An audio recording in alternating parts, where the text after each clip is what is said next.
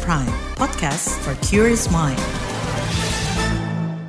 Halo selamat sore, saudara senang sekali bisa menyapa Anda kembali melalui program KBR Sore edisi Senin 13 November 2023. Saya Malika kembali menemani Anda selama kurang lebih 30 menit ke depan.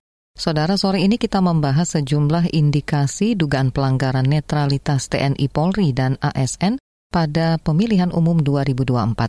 Padahal larangan keberpihakan aparat TNI Polri dan ASN sudah dimuat dalam sejumlah peraturan, antara lain Undang-Undang tentang Polri dan Undang-Undang TNI. Larangan itu bertujuan agar TNI Polri tidak terlibat politik praktis dan mencegah institusi negara itu menjadi alat kekuasaan. Lalu apa saja bentuk pelanggaran netralitas TNI Polri dan bagaimana penegakan hukum keberpihakan tersebut? Selengkapnya kita bahas di KBR sore.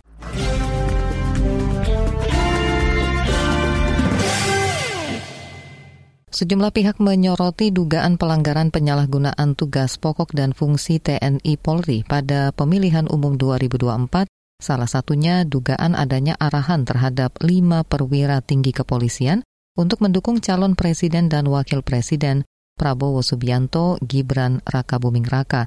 Juru bicara tim pemenangan nasional TPN Ganjar Mahfud, Aiman Adi Wicaksono, mengeklaim punya bukti indikasi kuat adanya dugaan pelanggaran netralitas berupa mobilisasi dukungan aparat kepolisian. Politisi Perindo itu juga akan membuka posko pengaduan untuk menguatkan dugaan adanya pelanggaran terkait netralitas aparat. Soal temuan kecurangan tentu indikasi-indikasi itu tercium aromanya gitu ya. Kemarin saya sampaikan misalnya ada jumlah katakanlah perwira polisi yang menghubungi saya terkait dengan uh, arahan dari oknum ya untuk kemudian uh, merugikan salah satu pasangan calon yang lain, lalu kemudian menguntungkan salah satu pasangan calon yang lain lagi, ya, itu tentu menjadi pertanyaan juga. Nah, tapi informasi itu kan harus dibuktikan benar atau tidak di lapangan. Nah, ini yang harus disampaikan. Oleh karena itu, kami TPN Ganjar Mahfud membuka aduan dari semua lini ya, baik partai-partai koalisi maupun tim pemenangan Ganjar Mahfud di daerah, termasuk juga para relawan. Juru bicara tim pemenangan nasional TPN Ganjar Mahfud Aiman meminta indikasi adanya upaya melibatkan TNI Polri untuk mendukung salah satu pasangan calon presiden dan wakil presiden harus ditindak tegas. Untuk sanksi tentu kita uh, serahkan kepada mekanisme hukum positif yang ada ini ada terkait dengan undang-undang, lalu kemudian juga eh, undang-undang pemilu, ya, juga terkait dengan undang-undang yang lain yang terkait. Nah, harapannya tentu seluruh aparat penyelenggara negara baik itu di pusat maupun di daerah bisa melaksanakan tugas pokok fungsinya dengan baik tanpa kemudian miring-miring seperti istilah Pak Jokowi ya yang kemudian bisa uh, menurunkan legitimasi dari hasil pemilu 2024 ini. Saya selalu katakan bahwa pemilu 2024 adalah pemilu dengan ujian netralitas terberat karena di sini ada putra mahkota dari presiden yang masih menjabat yang juga ikut dalam kontestasi. Tentu penjagaan dari semua masyarakat ya, dukungan dari semua masyarakat dibutuhkan agar pemilu ini bisa berjalan langsung membebas rahasia dan yang terpenting adalah jujur dan adil. Terima kasih. Pada kesempatan yang berbeda, Sekretaris Jenderal PDIP Hasto Kristianto berencana membentuk tim hukum untuk mengadvokasi dugaan keberpihakan kepolisian dalam bentuk penyalahgunaan kekuasaan. Kata Hasto, indikasi itu mencuat usai ada dugaan intimidasi aparat dengan mendatangi Dewan Pimpinan Cabang DPC PDIP Kota Solo dan sejumlah daerah lain. PDIP menilai sikap sebagian anggota kepolisian itu di luar fungsi Polri dan bukan hal yang wajar. Partai berlogo banteng moncong putih itu pun akan mendalami adakah perintah terkait peristiwa tersebut. Tidak hanya di kantor PD Perjuangan di Solo, di beberapa tempat itu ada aparat kepolisian yang datang ke kantor partai, kemudian melakukan fungsi-fungsi yang tidak ada kaitannya dengan fungsi Polri, misalnya menanyakan rapatnya berapa kali, siapa saja yang hadir, itu semua kan bentuk-bentuk intimidasi. Maka kami langsung bersikap dan kami membentuk tim hukum hmm, untuk melakukan advokasi. Dan dengan melihat masifnya kecenderungan uh, abuse of power tersebut maka muncul prakarsa-prakarsa dari tokoh-tokoh pro demokrasi untuk menghadirkan ya semacam pengawas pemilu yang jurdil. Selain itu, PDIP juga mengungkap ada pencopotan baliho Capres Ganjar Pranowo di sejumlah daerah. Salah satunya di Pematang Siantar, Sumatera Utara. Di sana PDIP tidak hanya mencurigai adanya pencopotan baliho oleh aparat, melainkan juga intimidasi serta pembubaran kuliah umum yang akan diisi Ganjar. Temuan indikasi itu bukan hanya didapat TPN Ganjar Mahfud, namun juga oleh sejumlah budayawan nasional. Belum lama ini sastrawan Gunawan Muhammad mengunggah foto yang menampilkan Gibran Rakabuming beserta anggota TNI. Ia mencuitkan keterangan foto itu menunjukkan perwira-perwira TNI Angkatan Darat mendatangi Gibran di Solo, yakni calon wakil presiden yang sedang disiapkan untuk menang. Ia lantas mempertanyakan netralitas TNI. Persoalan netralitas aparat juga disoroti sejumlah tokoh nasional di Rumah Budayawan Mustafa Bisri atau Gusmus pada minggu pagi. Pada kesempatan itu, bekas Menteri Agama Lukman Hakim menyebut indikasi keberpihakan aparat itu tersebar luas di media sosial dalam unggahan video yang memperlihatkan Satpol PP mencopot poster maupun baliho Ganjar dan memasang baliho Capres-Cawapres Prabowo Gibran. Ia mendorong pengawas pemilu membuktikan dugaan keberpihakan aparat pada Pilpres 2024. Politik itu tanpa dilandasi nilai, tanpa menerapkan azas-azas kepatutan, kepantasan tanpa menggunakan etika moral, politik itu hanya sebatas alat saling berebut kuasa saja.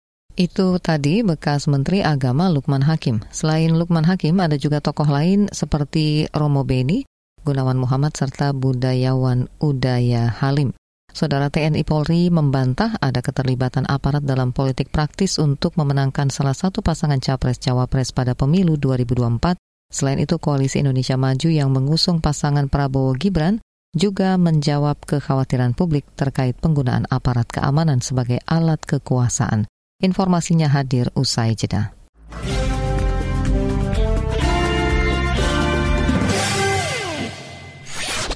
Commercial break. Commercial break. Permisi mas, Iya mbak, numpang nanya, mau nanya apa? Tahu KBR pagi nggak? Udah pasti tahu dong, karena aku sekeluarga udah lama langganan KBR Pagi. Banyak informasi, mulai dari berita sosial, budaya, politik, hukum, berita nasional maupun daerah, berita terkini sampai berita viral. Semua ada di KBR Pagi. Pokoknya kurang lengkap aja rasanya kalau sehari nggak dengerin KBR Pagi di kbrprime.id. Cari aja KBR Pagi. Loh, kok mas hafal banget? Jangan-jangan mas hostnya ya? Hayo ngaku, kamu Don Brady kan? Eh, eh, eh, eh, eh, kabur. KBR Prime, podcast for curious mind. You're listening to KBR Prime, podcast for curious mind. Enjoy!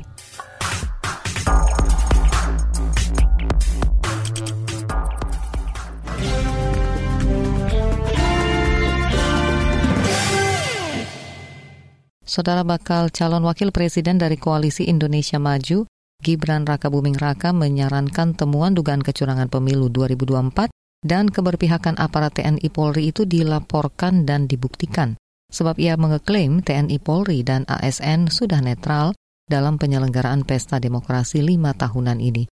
Putra sulung Jokowi ini juga menepis tuduhan adanya pertemuan dengan anggota TNI Angkatan Darat untuk pengarahan dukungan pada Pilpres 2024. Lah itu udah lama sekali, itu kan anu Beliau-beliau itu kan sekolah ini, sesko. Dan beliau-beliau mendatangi semua kepala daerah kok. Ya, nggak ada yang kayak gitu ya Itu kapan sih mas? Udah lama banget. Itu. Mereka memang ini apa Kayak ada KKN gitu, sesko itu Yang baru menjalani sesko. Ya. Nggak ada hubungannya sama pilpres ya Mas narasi narasi. Ini. narasi-narasi soal aparat eh, katanya menginstruksikan memasang baliho Prabowo Gibran itu kan juga sekarang sampai Pasang bolone masih ya takono mas kuat itu ya Kalau mas kuat ratau turu nek bengi masangi baliho Itu tadi Gibran Raka Buming. Saudara bantahan juga disampaikan Polres Kota Solo, termasuk soal dugaan adanya intervensi terhadap salah satu partai politik peserta pemilu 2024.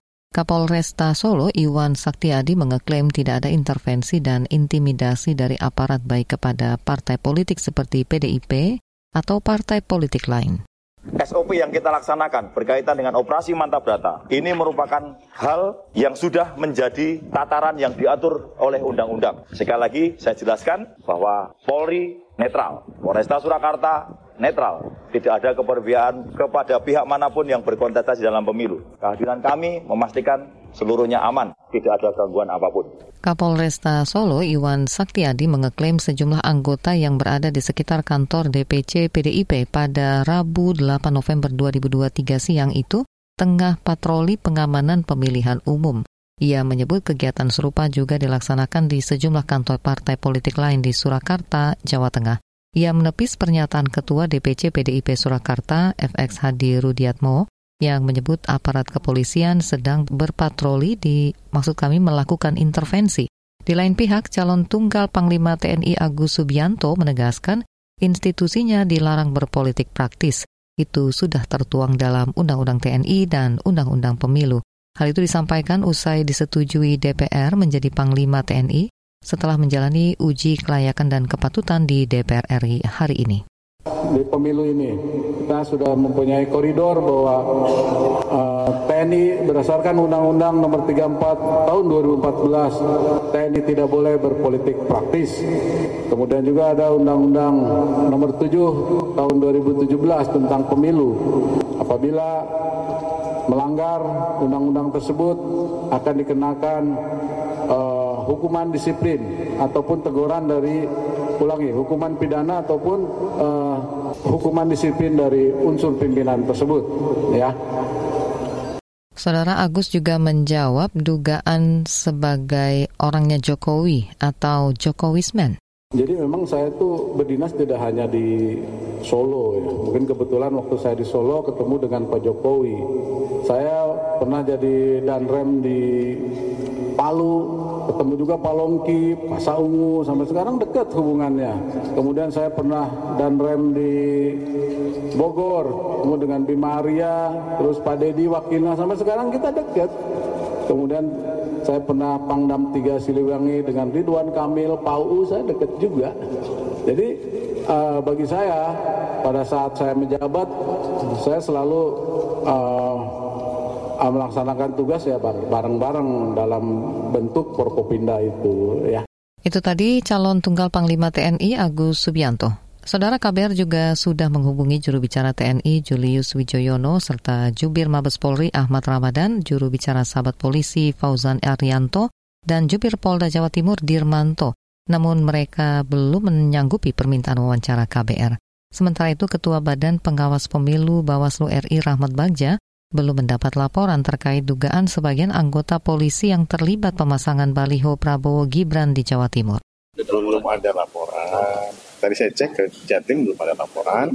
Namun kami sudah perintahkan kepada Jatim untuk menelusuri informasi yang ada. Kan ini sudah beredar di di media, jadi harus di, diklarifikasi walaupun belum ada laporan akan jadi temuan bagi Bawaslu untuk menyelidikinya. Menurut Bawaslu, netralitas TNI Polri dalam pemilu merupakan suatu keharusan agar tercipta pemilu berkualitas. Menurut anggota Bawaslu RI Puadi, TNI Polri memang mesti bekerja untuk kepentingan nasional, bukan untuk kepentingan partai politik atau kelompok tertentu.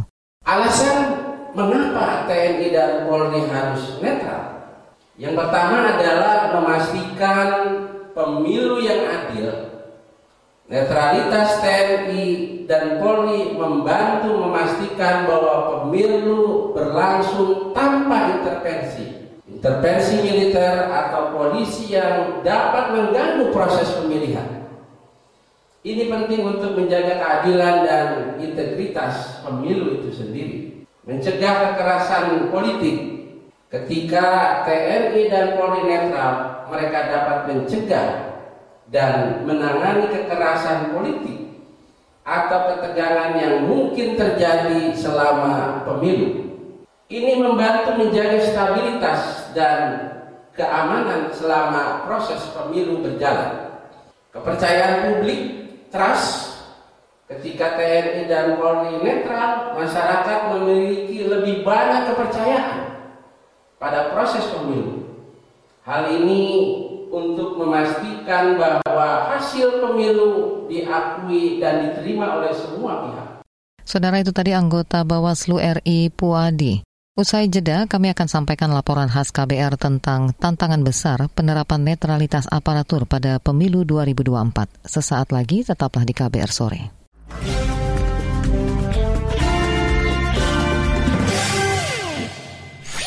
Commercial break. Commercial break. Ada apa MJ? Spiderman tolong tangkepin orang ini. Aku habis kena tipu investasi bodong nih. Sekarang aku bangkrut. Oh alah, pasti belum dengerin uang bicara ya? Uang bicara? Apa itu? Podcast ekonomi dan literasi finansial dari KBR Prime. Narasumbernya kredibel dan topiknya cocok banget buat anak muda kayak kita. Ada juga nih, topik biar nggak ketipu investasi bodong. Uang Bicara, menavigasi kamu supaya tetap cuan dari KBR Prime. You're listening to KBR Pride, podcast for curious mind. Enjoy!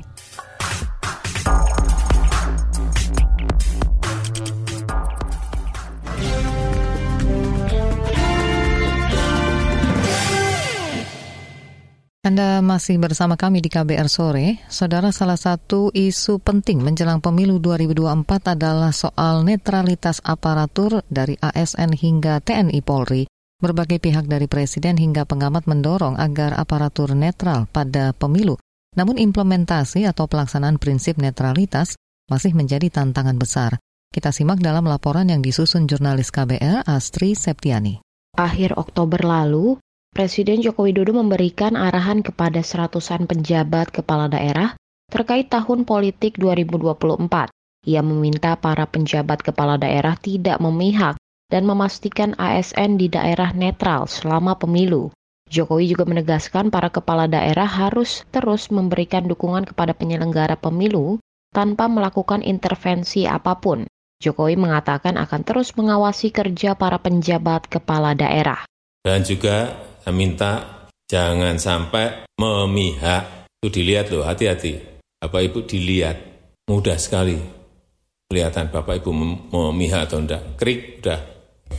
Dan juga pastikan ASN itu netral. Yang terakhir, menjaga kerukunan di tingkat bawah. Segera selesaikan kalau ada persikan-persikan yang berkaitan dengan politik. Menteri Dalam Negeri Tito Karnavian dalam kesempatan lain menyebut sanksi tegas akan dijatuhkan pada para penjabat kepala daerah yang tidak netral. Namun Tito tidak merinci sanksi apa saja yang akan dijatuhkan pada penjabat yang melanggar. Jadi kalau seandainya ada aturan mereka harus netral. Kalau seandainya ada yang nggak netral, kita periksa. Dan kemudian kalau terbukti ya kita beri sanksi dari yang teringan sampai yang terberat. Tak hanya soal netralitas ASN, netralitas TNI juga terus didorong. Panglima TNI Yudo Margono mengklaim telah memerintahkan semua prajurit untuk menjaga netralitas TNI. Yudo juga menerbitkan aturan untuk memastikan anggota TNI netral selama pemilu. Aturan itu antara lain perintah untuk tidak memihak dan tidak memberi dukungan kepada partai politik dan pasangan calon mana pun, serta tidak melibatkan diri dalam kegiatan politik praktis. Dalam berbagai kesempatan saya telah menginstruksikan kepada seluruh personel TNI terkait netralitas TNI, baik berupa penerbitan regulasi internal tentang netralitas TNI dalam bentuk peraturan Panglima TNI dan sosialisasi regulasi internal TNI yang dilaksanakan secara terus-menerus. Yudo juga berjanji menindak tegas prajurit TNI dan PNS di lingkungan TNI yang terbukti terlibat politik praktis memihak dan memberi dukungan partai politik serta pasangan calon yang diusung. Namun, pelaksanaan netralitas aparatur dinilai masih menjadi tantangan. Badan Pengawas Pemilu RI meminta seluruh pihak bergerak sigap untuk memproses dugaan pelanggaran netralitas terhadap aparatur pada pemilu dan pilkada 2024. Anggota Bawaslu RI Loli Suhenti mengatakan potensi kerawanan ASN pada pemilu mendatang masih tinggi dan menjadi tantangan besar yang harus dihadapi. 20 kabupaten kota tertinggi, siapkan program pencegahan terbaik siapkan upaya mitigasi resiko terkuat supaya tidak terjadi di 2024. Jadi, provinsi, kabupaten kota, kalau ada dugaan pelanggaran netralitas ASN bisa memproses cepat. Bawaslu mengatakan ada 10 provinsi dengan tingkat kerawanan netralitas ASN yang tinggi. seperti Maluku Utara, Sulawesi Utara, Banten, Sulawesi Selatan, Nusa Tenggara Timur, Kalimantan Timur, Jawa Barat, Sumatera Barat, Gorontalo, dan Lampung. Netralitas aparatur juga menjadi sorotan Perkumpulan untuk Pemilu dan Demokrasi atau Perludem. Direktur Eksekutif Perludem, Hoirunisa Agustiati, mengatakan netralitas ASN menjadi isu yang paling sering muncul menjelang pemilu. Ia juga menilai sulit untuk mewujudkan netralitas ASN pada pemilu mendatang. Jadi memang sulit untuk bisa yang namanya ASN itu betul-betul 100% netral ya sepertinya karena memang ada situasi-situasi yang membuat ya sulit untuk itu diwujudkan gitu. Misalnya ada perintah dari atasannya atau misalnya ada kekhawatiran nanti dia dimutasi atau misalnya nggak naik pangkat dan lain sebagainya. Direktur Perludem Hoirunisa Agustiati mengingatkan kultur di lingkungan ASN bersifat hierarkis di mana bawahan sangat patuh terhadap pimpinan atau atasannya. Karena itu, perlu diwaspadai peserta pemilu cawe-cawe melibatkan ASN untuk kepentingan peserta pemilu tertentu. Hoirunisa juga mendorong transparansi informasi dan perlindungan bagi ASN yang melaporkan mengenai pelanggaran netralitas ASN. Ia juga mendorong sanksi bagi ASN dan peserta pemilu yang melanggar netralitas, baik sanksi elektoral atau yang berkaitan dengan hasil pemilu maupun sanksi non-elektoral. Demikian laporan khas KBR yang disusun Astri Septiani. Saudara itu tadi laporan khas KBR tentang netralitas aparatur pada pemilu 2024. Kita kembali ke topik utama. Koalisi Masyarakat Sipil untuk Pemilu Demokratis mengungkap temuan indikasi pelanggaran netralitas TNI Polri pada pemilu 2004 2024 maksud kami apa saja bentuk pelanggarannya dan apa tindak lanjut dari masyarakat terkait temuan tersebut. Nantikan sesaat lagi.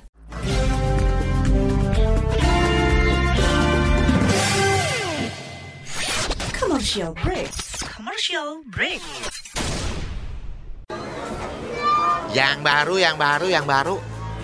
Tidak ada yang lebih baru dari kabar baru. Cukup 5 menit bisa perbaharui informasi kamu. Cukup 5 menit berita terbaru ada di genggamanmu. 5 menit sayang untuk dilewatkan karena kabar baru diramu dengan kualitas jurnalistik terbaik didukung puluhan reporter dan kontributor di Jakarta dan berbagai kota di tanah air. Simak hanya di kbrprime.id.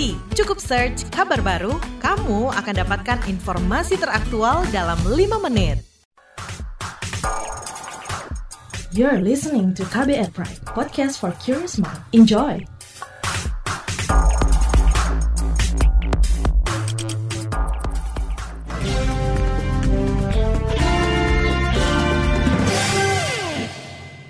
Kita sampai di bagian akhir KBR sore. Saudara Koalisi Masyarakat Sipil untuk Pemilu Demokratis menemukan sejumlah dugaan ketidaknetralan aparat dalam kontestasi pemilu 2024. Anggota koalisi sekaligus Direktur LSM Imparsial Gufron Mabruri menegaskan kondisi itu membuat demokrasi dan pemilu menjadi tidak sehat sebab kekuasaan dianggap telah menggunakan kekuatan politiknya untuk memenangkan salah satu kandidat. Lantas apa temuan dugaan keberpihakan aparat bagaimana tindak lanjut yang bisa dilakukan masyarakat maupun tim capres-cawapres terkait temuan dugaan keberpihakan itu, kita simak wawancara jurnalis KBR Hoirunisa dengan anggota Koalisi Masyarakat Sipil untuk Pemilu Demokratis, Gufron Mabruri.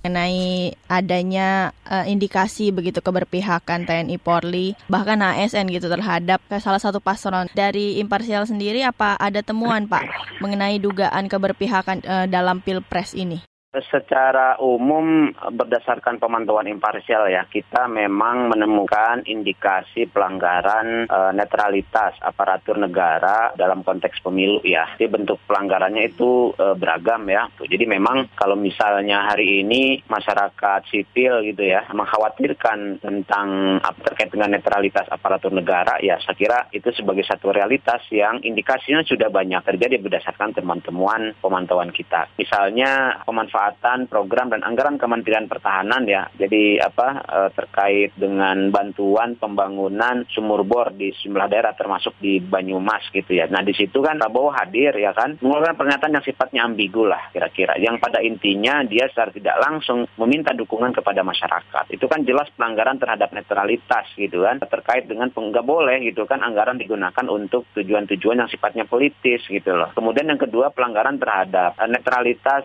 serangan apa ya intimidasi terhadap Melki dan keluarganya ya karena aktivitasnya yang mengkritik misalnya putusan MK yang di apa yang menguntungkan kandidat tertentu. Dia didatangi oleh aparat TNI Polri ya kan ditanya sana sini tentang ini itu gitu kan. Dan saya kira itu intimidatif kan terhadap, tidak hanya terhadap Melki dan keluarga tapi dampaknya terhadap masyarakat secara umum ya. Karena itu menciptakan lingkungan politik yang intimidatif terhadap masyarakat yang kritis ini kan tadi yang Bapak sudah sebutkan gitu mengenai ada intimidasi ke ketua BEM, terus juga ada yang indikasi-indikasi mengenai yang sumur bor tadi. Nah, dari koalisi masyarakat sipil sendiri, apa Pak tindak lanjutnya? Nah, pertama tentu saja yang harus dilakukan adalah jika ada yang menemukan pelanggaran terhadap netralitas, tentu saja yang sangat penting adalah mendokumentasikan dan melaporkan apa pelanggaran yang terjadi gitu. Jadi siapa pun kalau dia melihat gitu ya menemukan ada ASN, anggota TNI, Polri, kemudian juga pejabat negara yang terindikasi melakukan pelanggaran terhadap netralitas, segera laporkan gitu ya. Dokumentasikan dokumentasikan datanya gitu. Nggak boleh takut ya. Ya, pertama tentu saja saja kita akan menggunakan semua ruang yang ada. Itu tadi wawancara jurnalis KBR Hoirunisa dengan anggota Koalisi Masyarakat Sipil untuk Pemilu Demokratis Gufron Mabruri. Informasi tadi menutup jumpa kita di KBR Sore edisi Senin 13 November 2023. Pantau selalu informasi terbaru melalui situs kbr.id, Twitter kami di akun @beritaKBR serta podcast di alamat kbrprime.id. Saya Malika bersama tim yang bertugas undur diri. Salam.